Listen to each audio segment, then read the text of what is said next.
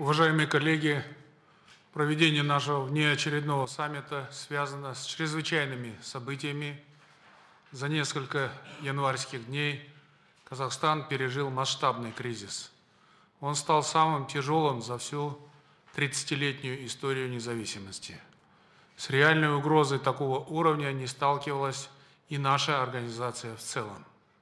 Хочу поблагодарить нашего председателя Никола Ваваевича Пашиняна за оперативную работу по согласованию необходимых документов. Особые слова благодарности хотел бы выразить президенту Российской Федерации Владимиру Владимировичу Путину за проявленное понимание и быстрое решение вопроса об отправке миротворческого контингента ОДКБ в Казахстан. С вами, уважаемый Владимир Владимирович, мы были на постоянной связи с первых дней террористической атаки на нашу страну. Выражаю благодарность Александру Григорьевичу Лукашенко, Садыру Нурважаевичу Жапарову и Мамали Шариповичу Рахмону за политическое и даже боевое братство. Сегодня у нас общенациональный траур по погибшим в дни трагедии в Казахстане. Я искренне благодарю вас за соболезнования по этому случаю. Хотел бы выразить признательность генеральному секретарю УДКБ Станиславу Васильевичу Засю, всему сплоченному коллективу секретариата и объединенного штаба нашей организации. Фактически это первый случай, когда миротворческий потенциал ОДКБ был реально задействован для обеспечения безопасности, стабильности и целостности одного из государств-членов. Для нас принципиально важна не только военная, но и прежде всего моральная поддержка партнеров по ОДКБ – все государства-участники организации выступили единым фронтом, решительно поддержали обращение Казахстана. Сейчас хотел бы проинформировать вас о текущей ситуации в нашей стране и о том, что произошло за минувшие дни. Располагая полной картиной событий, могу ответственно заявить, что все события с начала нынешнего года составляют звенья одной цепи. Они подчинены единому разрушительному замыслу, подготовка которого шла продолжительное время.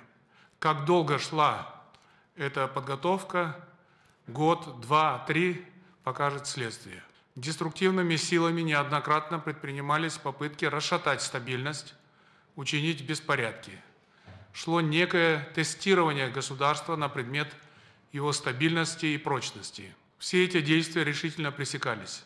Но организаторы не оставили своих планов и перешли к подготовке вооруженных выступлений. В качестве повода они использовали недовольство населения в ряде регионов из-за роста цен на автомобильный газ. Прошли митинги, участники которых выдвинули социально-экономические и общественно-политические требования. Все они были услышаны и выполнены государством. Правительство ушло в отставку, Цены на автогаз были заморожены на прежнем уровне.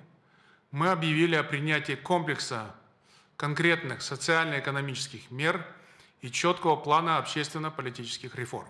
Но для организаторов агрессии против Казахстана это уже не имело никакого значения. Под ширмой стихийных протестов развернулась волна массовых беспорядков. Как по единой команде проявились религиозные радикалы, криминальные элементы, отъявленные бандиты, мародеры и мелкие хулиганы. Социально-экономические и общественно-политические требования отошли на второй, третий план, о них забыли. Вслед за этим развернулась горячая фаза и вступили в действие группы вооруженных боевиков, которые ждали своего часа. Стала очевидной главная цель подрыв конституционного строя, разрушение институтов управления, захват власти. Речь идет о попытке государственного переворота. Теперь уже очевидно, что все эти боевые действия координировались из одного центра. Тщательно спланированная операция вступила в решающую фазу. Об этом свидетельствуют синхронные, я подчеркиваю, синхронные нападения на здания региональных властей, правоохранительных органов, следственные изоляторы – стратегические объекты, банки, телевышку и телеканалы.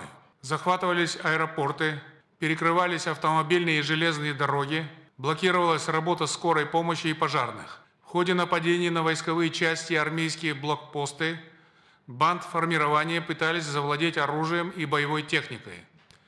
В Алматы и других городах шли настоящие бои.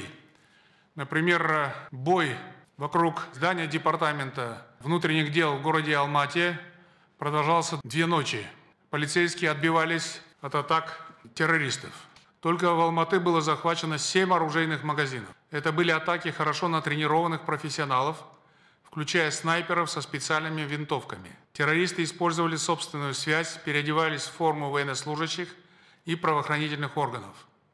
Они цинично прикрывались участниками массовых беспорядков, которые служили для них живым щитом, имея численное преимущество как минимум в пять раз – Бандиты нападали на полицейских и военнослужащих, избивали их с особой жестокостью, двоим военнослужащим отсекли головы.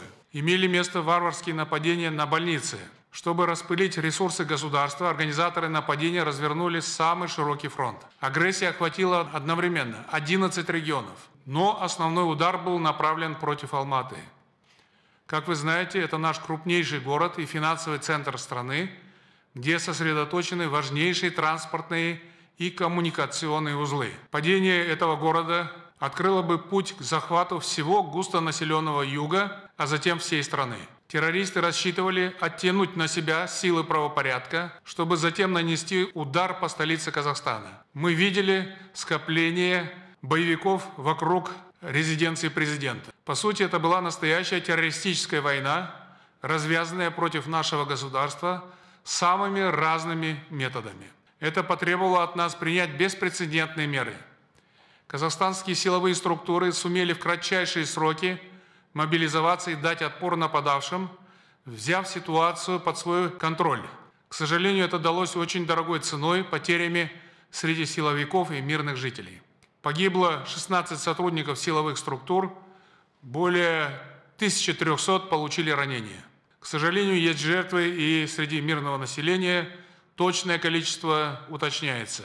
По всей стране пострадали 1270 субъектов бизнеса. Разграблено более 100 торговых центров и банков.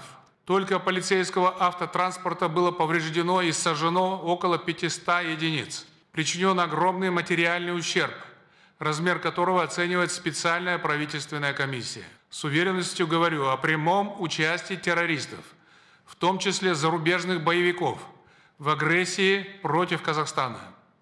Не случайно бандиты нападали по ночам на морге, забирали и увозили тела своих погибших подельников.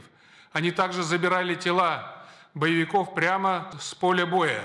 Это практика международных террористов известного происхождения. Именно таким образом они заметают свои следы. Налицо замысел формирования на нашей территории зоны хаоса с последующим захватом власти. В соответствии с решением Совета Безопасности Казахстана, основанным на всестороннем анализе правоохранительных и специальных служб, ситуация была квалифицирована как угроза терроризма и акт агрессии. События в Казахстане приобрели критический характер. Алма-Ата и 9 областных центров оказались в руках бандитов. Мы объявили режим контртеррористической операции – Казахстан обратился к ОДКБ с просьбой оказать содействие. Оно оказалось крайне своевременным. Узнав о прибытии трех военно-транспортных самолетов в столицу, боевики отказались от планов захвата президентской резиденции. Это дало нам возможность направить дополнительные силы в Алма-Ату и отбить город от террористов. На сегодняшний день в соответствии с решением Совета коллективной безопасности в Республике Казахстан развернуты и приступили к выполнению поставленных задач – коллективные миротворческие силы ОДКБ в количестве 2030 человек и 250 единиц техники. Они реализуют функции прикрытия и обеспечения безопасности аэропортов, военных складов и других стратегических объектов. Чуть позже мы заслуживаем доклад генерального секретаря ОДКБ по обстановке и реализуемым задачам. Как я уже сказал, это первая миротворческая миссия ОДКБ. Уверен, что организация получит полезный положительный опыт – будут проанализированы узкие места и сделаны соответствующие выводы, внесены корректировки в регулирующие документы. В целом хочу подчеркнуть, что ОДКБ показала свою востребованность и эффективность как авторитетная военно-политическая организация. Это реально работающий механизм обеспечения стабильности и безопасности наших государств. Фактически, произошедшие события стали переломным этапом в развитии организации, которая обрела новое качество как сильный международный институт. Угрозы, с которыми столкнулся Казахстан, являются общими для всего пространства коллективной безопасности. Поэтому нам важно и далее укреплять мощный потенциал УДГБ, и Казахстан внесет свой вклад в это дело. Одной из возможных рекомендаций может стать оптимизация сроков реагирования на кризисные ситуации. Мы должны повышать оперативность в вопросах разработки и принятия утверждающих решений Совета коллективной безопасности и других органов. Важно также обеспечить максимальную политическую поддержку решения об использовании миротворческих сил ОДКБ, особенно со стороны Организации Объединенных Наций и других авторитетных международных организаций, ведущих мировых средств массовой информации, а также аналитических центров разных стран. Мы уже видим, что возникают вопросы о легитимности ввода сил ОДКБ. Это происходит из-за отсутствия достоверной информации и непонимания всей ситуации. В отдельных случаях в международном сообществе, включая зарубежные средства массовой информации, имеет место абсолютно неверное толкование как применения сил УДКБ, так и прочтения ситуации в Казахстане. Несмотря на все предоставленные факты, некоторые источники утверждают о борьбе властей в Казахстане с мирными демонстрантами. Это абсолютная дезинформация.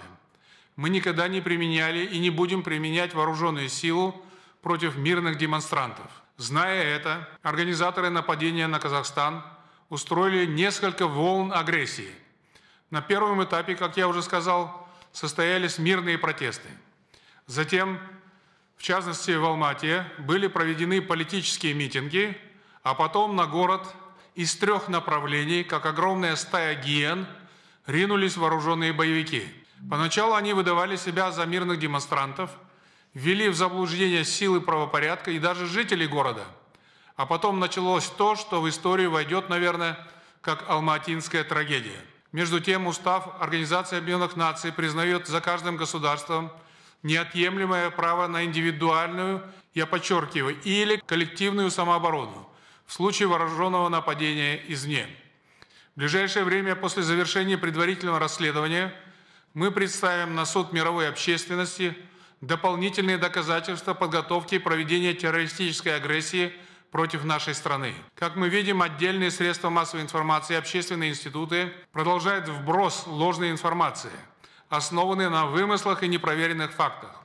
Уверен, что международные организации, включая ООН, ОБСЕ, ШОС, СМД, а также международные гуманитарные организации, заинтересованы в полном и беспристрастном расследовании незаконных действий террористов, преступников, злоумышленников. В то же время делать поспешных выводов не следует. Я благодарю всех, кто с самого начала был уверен в том, что Казахстан – преодолеет этот сложный этап в нашей новейшей истории. Особенно это касается УДКБ. Убежден совместными усилиями мы сделаем так, чтобы временное развертывание в Казахстане миротворческого потенциала УДКБ было максимально безопасным, эффективным. И надо прямо сказать, что миссия миротворческого контингента УДКБ была в высшей степени эффективной, полезной. С нашей стороны, как я думаю, это урок Казахстана, но думаю, он будет полезен и для всех государств, партнеров по организации. Ни в коем случае нельзя допускать информационного вакуума, чтобы его наполняли провокаторы или недоброжелатели. К сожалению, в нашем случае это продолжается. В сложившейся ситуации наше недавнее решение об учреждении Института специального представителя Генсека ОДКБ по миротворческой деятельности подтверждает свою актуальность. Хотел бы четко заявить, что мы будем твердо защищать право народа Казахстана на мирное волеизъявление и открытый диалог с властью. В то же время мы будем жестко пресекать любые формы насильственного экстремизма и тем более боевые действия против Казахстана, как это произошло недавно. Не позволим покушаться на наш государственный суверенитет и территориальную целостность. Хочу заверить, что Казахстан будет твердо соблюдать свои международные обязательства. Уважаемые друзья, коллеги, в настоящее время конституционный порядок в Казахстане восстановлен. Опасные угрозы для безопасности страны предотвращены. В рамках антитеррористической операции ведется работа по выявлению лиц, участвовавших в преступлениях. На сегодня в органы полиции доставлено около 8 тысяч лиц. Правоохранительными и специальными органами проверяется их причастность к актам терроризма, убийствам, мародерствам и иным преступлениям. Изъято 116 единиц оружия. Операция продолжается. Корректируются планы по выявлению скрывшихся боевиков, которые применяют новую тактику маскировки, переодеваются в гражданскую одежду, сбривают бороды и прочее. Предстоит большая напряженная работа Задействуются даже ветераны правоохранительных органов и армии. Все государственные органы усиленно работают над тем, чтобы полностью вернуть страну к нормальной жизни. Завтра я внесу в парламент предложение по новому составу правительства и поставлю конкретные задачи по решению острых проблем в социально-экономической сфере. В ближайшее время масштабная антитеррористическая операция завершится, а вместе с ней закончится успешная и эффективная миссия контингента ОДКБ. Главное не допустить в будущем повторения таких событий на всем пространстве коллективной безопасности. Думаю, в этом и заключается наша основная задача на ближайшую перспективу. Казахстан готов к этой работе и всегда поддержит своих союзников. Спасибо за внимание.